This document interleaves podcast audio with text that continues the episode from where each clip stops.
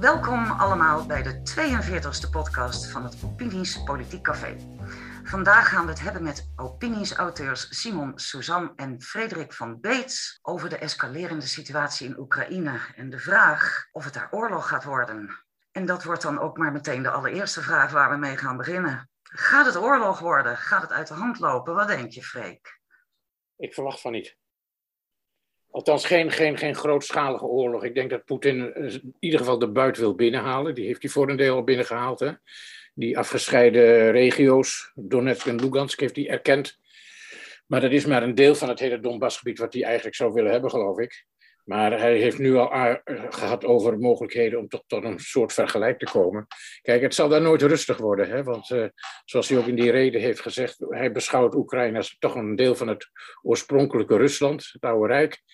Uh, hij zal zich absoluut niet kunnen neerleggen bij wat voor toenadering van Oekraïne tot het Westen dan ook. Dus dat zal altijd een wrijfpunt blijven. Maar of hij echt met groot militair vertoon Oekraïne gaat binnenvallen, binnen, dat verwacht ik eerlijk gezegd niet. Maar nogmaals, uh, uh, ik, ik weet het niet helemaal zeker. Men, men noemt uh, Poetin nu paranoia. Ik vind dat een beetje te ver gaan. Kijk, de man heeft zijn eigen denkwijze en zijn eigen merkwaardige opvattingen over de rol van Rusland in de wereld. En de, de, de, de, de, de rol van Rusland in de geschiedenis.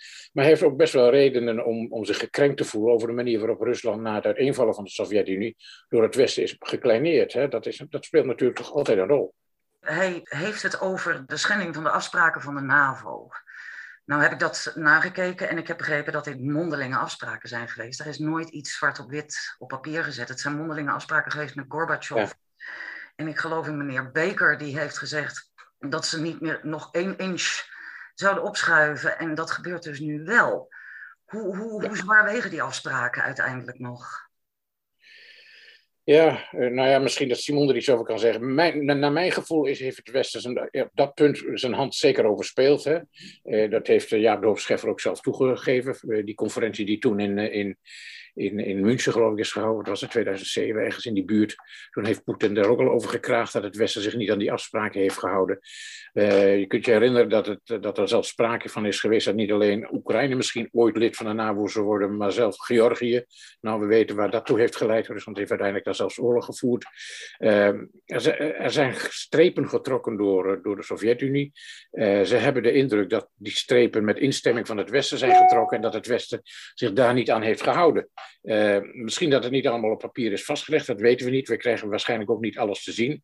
Maar als je gewoon geopolitiek naar de situatie kijkt, heeft Rusland terecht wel redenen om, om, om, om te vrezen dat, dat uh, de NATO te ver in de richting van de Sovjet-Unie is, uh, is opgeschoven.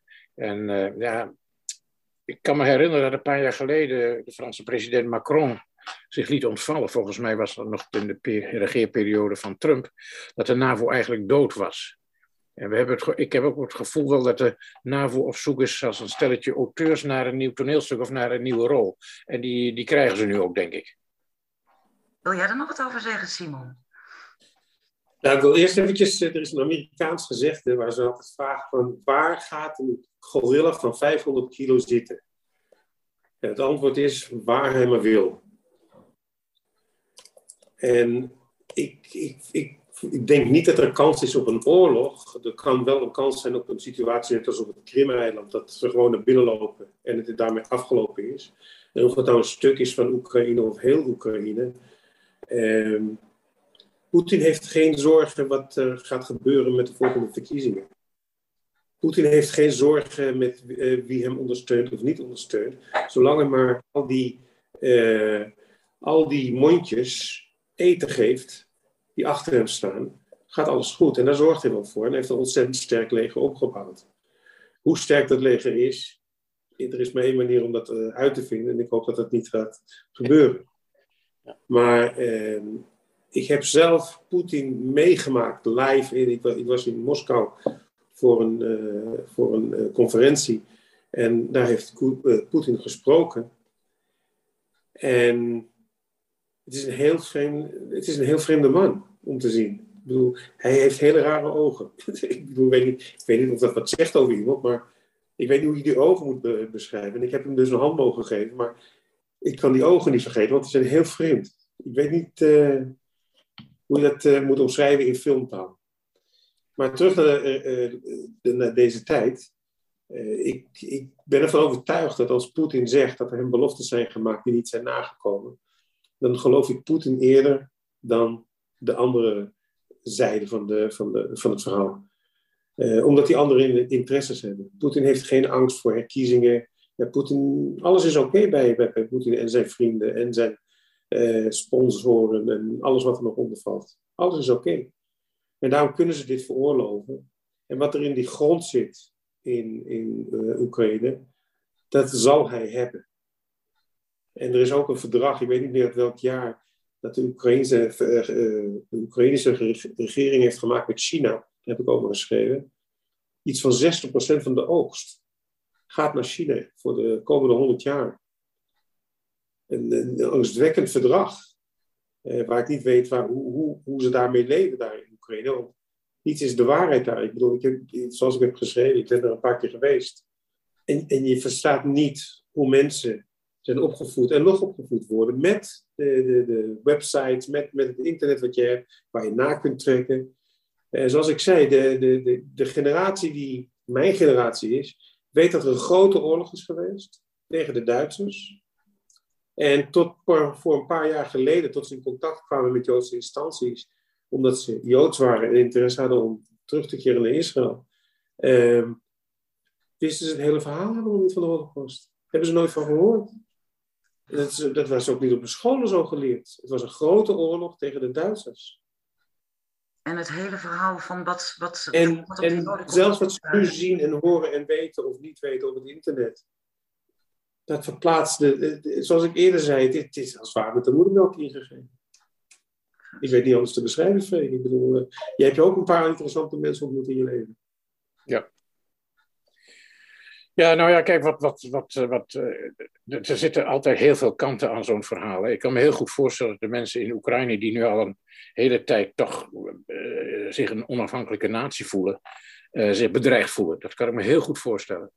Maar nogmaals, ik denk dat vanuit het Westen veel te veel verwachtingen zijn uh, gewekt. Je hoeft nog maar te denken aan uh, wat er toen op het Maidanplein in februari 2014 stond Van Balen en, uh, en, die Belgische oud-premier die stonden daar roepen van sluit je aan bij het Westen enzovoort enzovoort. Er is heel veel ellende gebeurd. Er zijn verwachtingen gewekt die gewoon geopolitiek niet waargemaakt kunnen worden. Ook al kun je zeggen van een een land en een bevolking heeft het recht op zelfbeschikking, moet zijn eigen keuze kunnen maken. Maar je zit nu één keer geografisch in een positie dat je toch, hoe dan ook, hoe je het went of keert, een bufferstaat bent. En Rusland heeft gewoon door zijn geschiedenis heen uh, altijd behoefte gehad aan een buffer. Ja, ik wil, ik wil toch nog iets uh, erbij zeggen. Want ik, ik, heb dus, uh, ik heb dus een schoonfamilie die uit Oekraïne komt. En die mensen zijn jaren terug naartoe geweest, zo'n 40 jaar terug naar Israël gekomen met hun zoon. En die zijn duidelijk met onze dochter getrouwd. Waardoor we daar ook drie kleinkinderen hebben. Uh, en deze familie heeft, een, eh, heeft dus met, met oud en nieuw hebben ze een grote eetpartij bij hun thuis. En elk jaar, als het hier 11 uur is, in Israël, als het in Israël 11 uur is, moet iedereen stil zijn. Want ze moeten de reden horen van Poetin. Hm. En ik, ik zeg ik, ik ken aardig wat Oekraïners nu, vooral in Israël. Iedereen gaat met hetzelfde antwoord. Vadertje Tsaar, hè? Vadertje Tsaar misschien, ja. Nogmaals, jouw beginvraag, komt er een grote oorlog? Dat weten we niet, maar ik kan me dat niet voorstellen. Maar dat, dat, dat het heel lang onrustig zal blijven, dat Rusland alles zal doen. Bijvoorbeeld om zo'n corridor naar, eh, naar, via Mariupol naar, naar de Krim en zo te krijgen. Ja, zo, denk, zo denken mensen met een geopolitieke, geopolitieke blik en vanuit een al dan niet uh, terechte machtspositie. Dus, uh, en, en, ik bedoel, wij gaan daar geen oorlog voor voeren, het Westen. En die sancties, er wordt nu heel veel ophef gemaakt van we gaan sancties opleggen. Ik denk dat ze daar in Rusland best wel wat van zullen voelen. Maar dat gaat ook weer over. Er moet geld verdiend worden, ook hier. Dus we zullen zien dat ook die sancties maar voor een deel effect hebben. Die zullen misschien als ze echt durven, maar daar heb ik nog heel weinig van gezien, als, als het Westen echt durft, dan zullen ze die hele kotterie rond Poetin moeten aanpakken, de hele, al die oligarchen en al die steenrijke Russen die met al hun belangen en bezittingen in het westen zullen dan moeten, moeten worden bevroren in Londen en op de Zuidas in Amsterdam en aan de Côte d'Azur en noem maar op. Als dat gebeurt, dan, zullen, dan zal die kring rond Poetin pijn voelen. Maar of dat voldoende is, ik moet het nog maar zien. Kijk, het, het, het, het, het nu kanselen, of althans tijdig in de ijskast zetten van die, eh, van die, die, die gasleiding naar Duitsland, er vloeit nog geen druppel gas door. Hè? Dus niemand heeft daar nu pijn van. Dat zijn toekomstige inkomsten en toekomstige leveringen. Maar niemand heeft, eh, bedoel, zolang de, de hoofdleidingen nog niet, niet afgeknepen worden, eh, zal niemand daar nog last van hebben. Het, het klinkt wel heel, heel, heel dapper en, en, en heel bijzonder. Maar ik, ik, moet het allemaal nog maar zien. Ik moet het nog maar zien of Westen inderdaad in staat is en bereid is, collectief grote, uh, grote belangen in de waagschaal te zetten om, uh, om Rusland op de knieën te dwingen. En daarbij nog kun je, kun je zeker zijn dat, dat Poetin, ik denk wel een paar schaken zetten verder is al. Hij, is al, hij, hij denkt iets verder. Nogmaals, hij heeft hele andere dingen aan zijn kop. Dan een, dan een normale, wat wij normale democratische leider zouden noemen.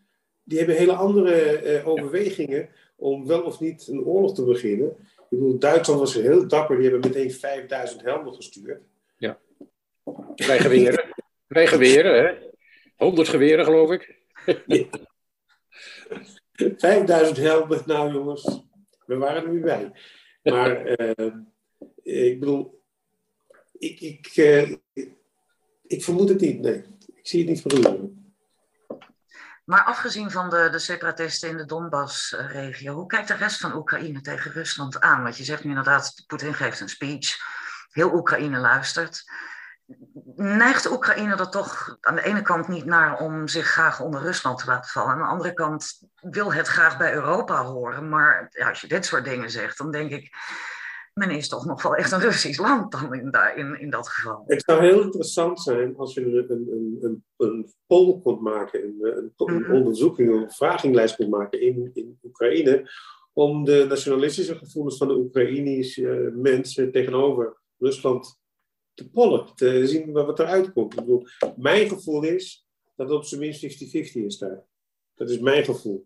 Ja, ik weet het niet. Kijk, er is ik heb geen exacte cijfers. Er is sinds het uiteenvallen van de Sovjet-Unie is, er, is er toch een hele nieuwe generatie eh, opgegroeid, ook in, ook in Oekraïne, die zeg maar, het oude Rusland niet meer heeft meegemaakt, maar wel decennia lang heeft uh, geleden misschien onder oligarchen en een zeer corrupt regime.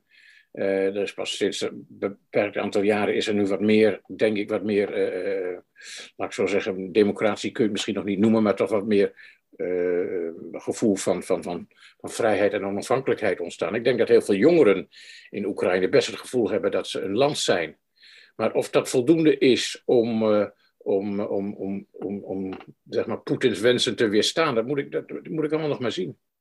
Nou, Freek, daar, wil ik toch nog een, een, iets eh, op aanmerken of opmerken. Um, ik heb dus in 1998 heb ik een jaar in uh, Moskou gewoond. En uh, ik moet je zeggen, ze leven in hetzelfde stelsel ongeveer nog steeds. Het, je noemt het geen communisme, maar het is wel een dictatuur. Ja, ja, ja. Ze worden afgeluisterd en ze worden gecontroleerd. En er is een, er is een uh, GAI, dat is de politie. En dan heb je ook nog de militie. En de, het is corrupt als de pest, echt waar. En het ziet er wel rijker en westelijker uit. Maar in principe is hun leven niet veel veranderd. Want er is één baas die alles zegt. En probeer maar eens wat tegen te doen. Kijk eens waar, waar zit die bekende oppositieleider. Waar is hij, waar is hij nou? Ja, waarom niet? Ja. ja, waar is hij nou? In de gevangenis, hè? Vraagt er nog iemand naar? Het, is, het is ongeveer hetzelfde beleid. Dat, dat is interessant. Eh, de Russen zeggen graag, we hebben een, papa nodig. Een vader van de staat hebben we nodig. Een sterke man. En dat is Poetin. Of je nou communist, eh, boeddhist of weet ik veel is. Het maakt er niks uit.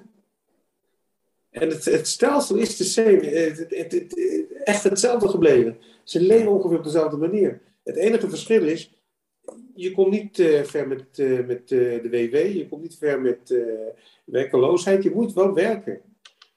En ja, tijdens de communisten moest je op je werk zijn. Maar er is natuurlijk wel veel meer, maar er is natuurlijk wel meer vrijheid. Vroeger konden Russen niet reizen. Je komt ja, okay. in de wereld kom je Russen tegen, jongeren die toch een wat andere blik op de wereld hebben. Maar goed, het, blijven, het, blijven, Russen die, die toch uh, ja, doordezend zijn met die cultuur en met die blik op de wereld. Absoluut. Wij, wij, in het Westen vergeten vaak dat, uh, dat er ook mensen op de wereld zijn en landen en naties die gewoon wat, wat anders denken en wat anders voelen dan wat wij voelen. Wij, wij zijn nu heel sterk behept met met allemaal ideeën rond gender en noem maar op, die flauwekul rond woke. Ja, daar lachen ze ons op uit. Bedoel, wij hebben helemaal niet meer, we zijn helemaal niet meer in staat om, om zeg maar uh, iets van patriotisme of iets, zoiets dergelijks op te brengen. Uh, wij en daarom begrijpen wij dat ook niet. En wij willen ook niet begrijpen dat er landen zijn die voor zichzelf willen opkomen of hun eigen grenzen willen bewaken of hun eigen natie willen blijven, uh, blijven steunen. Ja, want dat is een argument die je dus inderdaad veel hoort. Ik hoorde met bijvoorbeeld Noam Chomsky uh, zeggen in een interview een aantal jaren terug al, hoe nerveus zou, zou de VS worden als Mexico ineens onder Russische uh, dominantie zou vallen en Rusland ineens hè, militaire bewegingen in de buurt van de, de, de Californische grens zou gaan organiseren. Ik kan me zo voorstellen dat de VS dan uh, knap nerveus zou worden, even de zaak omkerend. En terecht ja, voor, nerveus Voor Amerika geldt nog steeds de Monroe-doctrine, dus geen vreemde mogendheden in onze achtertuin. Dat, dat... We hebben dat meegemaakt in 1962, 61, 62. Cuba-crisis. De BOP's in uh, Cuba. Ja, de BOP's in Cuba. was een pokerspel met, uh, tussen twee uh, atoomklokken. Ja. Nou ja, dat vonden we terecht. En dus, dus begrijp ik de achterdocht van de Russen voor wat betreft de, de, de ideeën die hier leven. Ook al, ook al vinden wij dat wij heel vredelievend zijn en wij vinden dat landen zelf mogen uitmaken bij welk blok ze willen behoren en waar ze zich toe op willen oriënteren. Maar nogmaals, er zijn ook geopolitieke belangen en landen die geopolitiek denken. En dat zijn landen zoals Rusland, die heel sterk denken aan, aan het bewaken van hun eigen grens, aan hun eigen identiteit, aan uh, het zekerstellen van hun veiligheid. Ja, die hebben andere belangen. Ik denk ook dat de laatste dagen, of de laatste weken zelfs, betreffende Oekraïne, de media goed zijn misbruikt door de beide partijen om angst of uh, spanning te zaaien. Ik bedoel, we werden een beetje overgoten met alles. En, ja, nou ja, ik, ik, heb, ik was nogal verbaasd. Ik bedoel, het kan zijn dat het allemaal hoog spel uh, betreft, waar ik helemaal geen, geen, geen idee van heb of dat hoeft het spel gespeeld wordt. Maar vanuit de Verenigde Staten werd heel sterk zeker de laatste weken vanuit de inlichtingendiensten aangegeven dat de Russen klaar waren, dat ze de oorlog zouden beginnen enzovoort. Continu werden dat soort berichten de wereld in geholpen. Die waren absoluut niet uh, rustgevend, zal ik maar zeggen. Ik kan me best voorstellen dat zo'n zo'n zo Poetin op een gegeven moment dacht, nou ik zal die poepje laten ruiken. Ja. We hebben het over sancties tegen Rusland, maar wat als Rusland sancties neemt richting het Westen, wat dan? Gaskranen. Er is al iets, er is al iets aan de gang. Er is al iets aan de gang. Eh, China en Rusland zijn druk bezig om een eh, eigen, eigen economisch uh, verband te hebben. Dat moet gaan uh, concurreren met de Wereldbank ja. en met andere financiële instituten, om gewoon sterker te zijn samen. Nou, dan kijk je naar de wereldbevolking, hoe groot die is, dan begrijp je dat ongeveer 4 miljard is, 4 miljard man, sorry, samen kunnen gaan onder één economisch bestel wat nog niet eens zo slecht is, want die beide landen maken wel winst. Ze lijden geen honger als landen. En dat is, dat is bijna klaar, geloof ik, Freek. Ik bedoel, eh, dat moet... Ja, dat, ze hebben een alternatief voor het SWIFT-systeem uh, ja. ontworpen. Om, uh, zeg maar, als Rusland uit, het, uit dat systeem gegooid wordt, dan kunnen banken niet meer met elkaar communiceren en dat soort dingen. Dan zouden China en Rusland hebben nu een alternatief voor ontworpen dat schijnt ook al voor een deel te werken. Of dat, of dat, of dat voldoende is om de, de pijn die het uitsluiten van dat SWIFT-systeem zal verzachten, dat, dat kan ik niet beoordelen. Dat gaat een beetje boven mijn pet.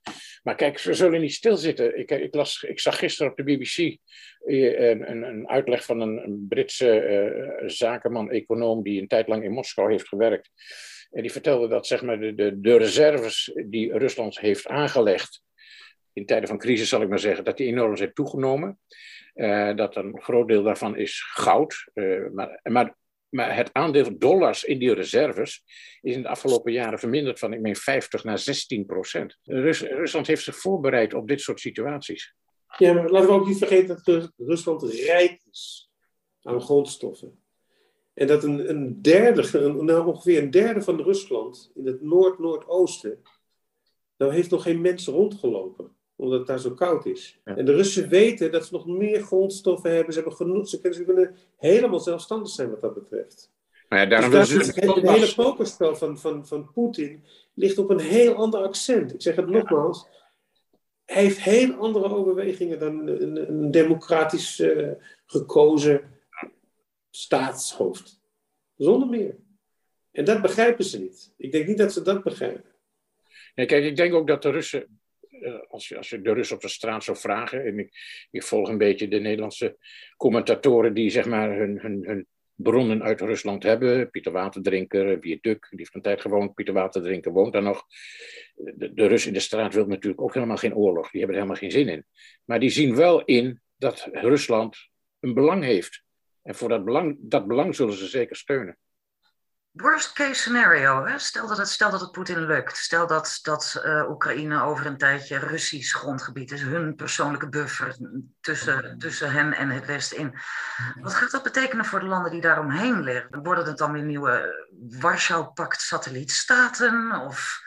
Nou, dat verwacht ik eerlijk gezegd niet. Kijk, waar je een beetje zorgen over zou kunnen maken, zijn de Baltische Staten. Als je de, de redenering van Poetin blijft volgen, hè, van uitgaan van het oorspronkelijke Rusland, het grote Russische Rijk, daar hoorden heel lang de Baltische Staten bij. Die hebben weliswaar geen typisch Russische cultuur, die hebben hun eigen taal en cultuur, maar hebben wel heel lang tot het Russische Rijk behoord. Daar, maar die zijn nu NAVO-lid, dus daar zal die toch wel vanaf blijven, omdat dan artikel 5 in werking zal treden.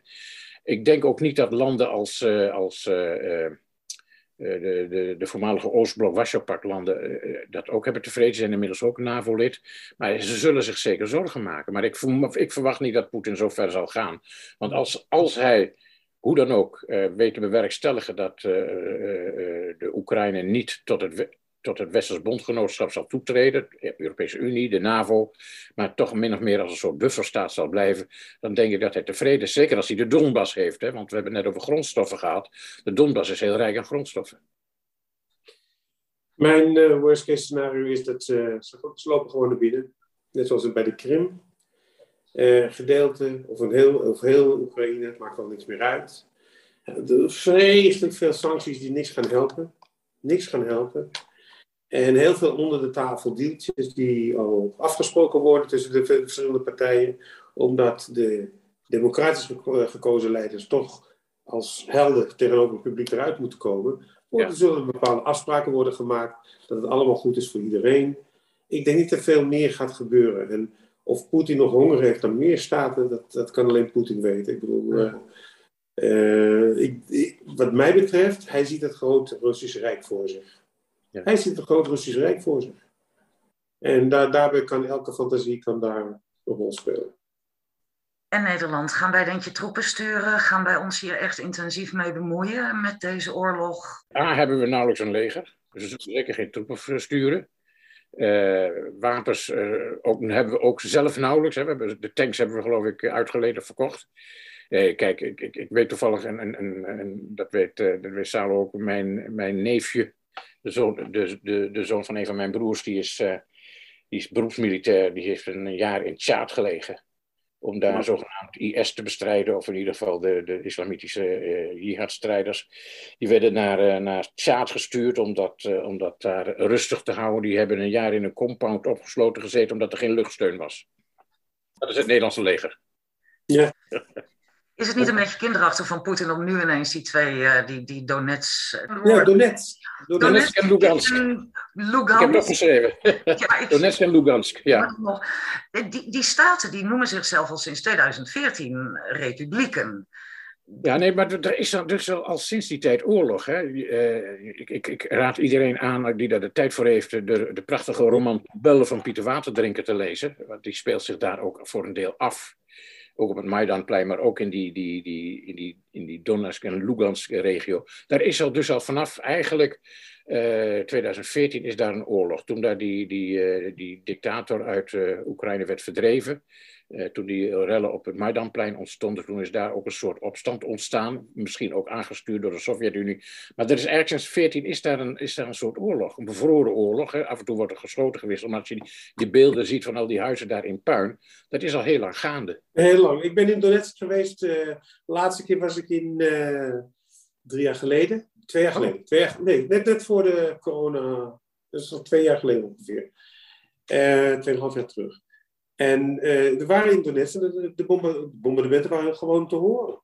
Ja. De hele dag, elke dag. Het is daar de hele tijd gaande. Dat er niet over wordt verteld in de tv. Ik bedoel, eh, ten eerste, mijn mening over de NOS is erg laag. Ik, bedoel, ik zal het maar niet uh, uh, zeggen. Maar ik heb geen uh, hoge dunk van ze. Maar de hele westerse media houdt zich daar niet mee bezig. Het is al, het is al zes, zeven jaar aan de gang geloof ja, ja, Minst. Dus bombardementen daar is heel gewoon. Maar wie, wie daar bombardeert, kan ik ook niet zeggen. Simon, je schreef een paar weken geleden een prachtig stuk voor opinies. Ik huil niet voor Oekraïne. Wil je daar nog iets over vertellen? Nou, ik ben dus een, uh, drie keer in mijn leven in uh, Oekraïne geweest. Ik heb heel wat uh, de grote steden bezocht, bezocht en ook kleinere dorpen. En ik heb daar heel wat op, op gedaan qua kennis, qua informatie. Ik ben een beetje geschiedenisgek. ik, ik, ik, ik vreet geschiedenisboekjes op. Je praat dus met mensen die, die A, een hele andere blik op de realiteit hebben. Die, ze zijn niet achterlijk, maar ze hebben een heel ander verhaal meegekregen. Terwijl ze dus, en ik zeg nogmaals, ik ben nog van de generatie die nog voor Facebook en het internet geleefd heeft. Deze mensen zijn opgegroeid met internet en ze kijken dus alleen maar op websites die hun opvoeding beamen. En, en die andere informatie, ja, dat is propaganda en dat zal wel niet precies zo allemaal zijn geweest. En eh, het, antisemitisme, wat ik heel zwaar heb gevoeld in mijn bezoek in Polen, is daar ook een everyday thing. Het is, het is heel normaal. Het is uh, onderdeel van, uh, zoals, zoals in Nederland er nog steeds mensen zijn die zeggen: wat, wat een jood, hè? Als iemand, uh, iemand heeft bedrogen. Hoor ik nog genoeg in Nederland. En dat soort dingen zijn heel normaal ook daar. Ik bedoel, maar het is erger dan dat, want ik, ik, heb, dus, ik heb het antisemitisme meegemaakt. Ik bedoel, er zijn dingen in ons gegooid omdat ze wisten dat wij uit Israël kwamen. Uh, het is daar gewoon heel, het is daar een onderdeel van. Ik zei het al eerder, ik blijf het zeggen, het is met de moeder wel ingegeven. Het is het hartland van de pogroms, hè? Uit de 19e eeuw. Uh, Freek, ik zou je vertellen, ik heb dus daar een, in 2015 heb ik een 94-jarige overlevende van de Babiar uh, massamoord heb ik gesproken. En die wilde niet, die, ik ben met naar Babiar toe gegaan. En in, in 2015 was het nog geen groot herdenkingsmonument. Er stond een winkeltje langs de weg. Bij dat winkeltje moest je voor het winkeltje rechts afslaan. Dan moest je een modderweg op en dan kwam je op een gedenkteken van Israël, niet van uh, Oekraïne nog. Uh, wat Babiar was, de grote menorah-stad daar. En die man heeft, daar ben ik speciaal met hem naartoe gelopen. En hij is bij het gedenkmonument gebleven. Ik ben naar beneden gegaan. En teruggekomen. Ik heb, ik heb daar staan janken als een kind.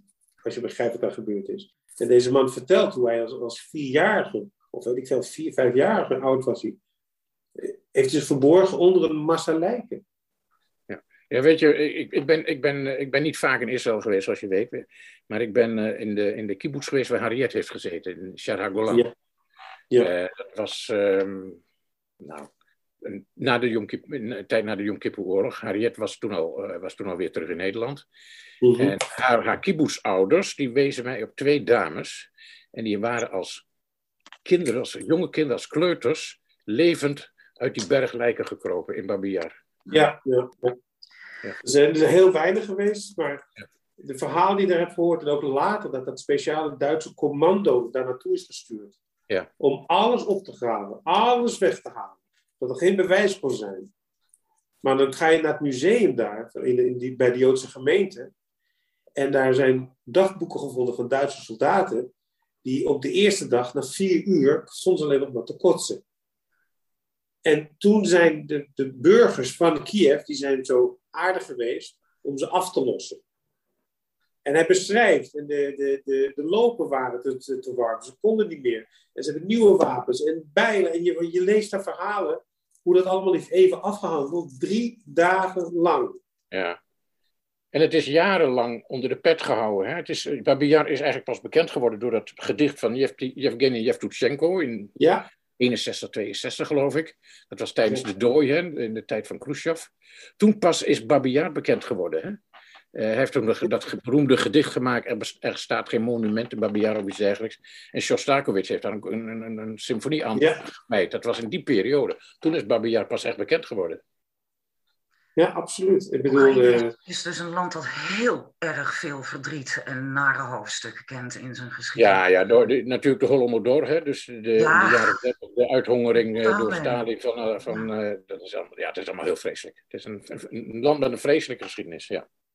Maar nogmaals, het is niet uit dat perspectief dat ik, dat ik de, de, de gedachtegang van Poetin probeer te, te, te, raden.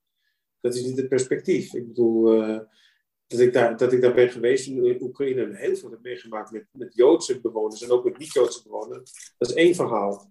Dat de situatie nu zo is, die beoordeel ik alleen omdat ik met, met, uh, met de diverse Oekraïners heb gesproken en in contact ben ook nog met, met mensen in Oekraïne. En ik moet eerlijk zeggen, de meesten met wie ik in contact ben in Oekraïne niet zo bang zijn van een Russische invasie. Uh, ze komen er wel uit als het zou gebeuren. Komt wel goed. Nou, dat, dat is het gevoel wat ze mij geven. Maar dat zijn, dat zijn dus een bepaald aantal mensen. Ik kan niet zeggen, ik heb een enquête gemaakt en ik heb je antwoorden. Dat kan ik niet zeggen. Nou, dan denk ik dat we daar ook mee gaan afsluiten. Als de Oekraïners zelf ook denken, het komt wel, wel goed. moeten wij in het Westen maar even afwachten of dat ook werkelijk zo gaat gebeuren. De tijd zal het leren. Ja. Ik dank jullie heel hartelijk voor jullie bijdrage. Graag gedaan. Ja. Ik ook extra bedankt voor het op het laatste nippertje inspringen, want we hadden een zieke. Heel erg bedankt daarvoor. Ja. Dit was de podcast van opinies.com. Opinies met een Z. Voor de nieuwste bijdragen en columns over politiek en maatschappij in binnen- en buitenland. Het is nog steeds helemaal gratis.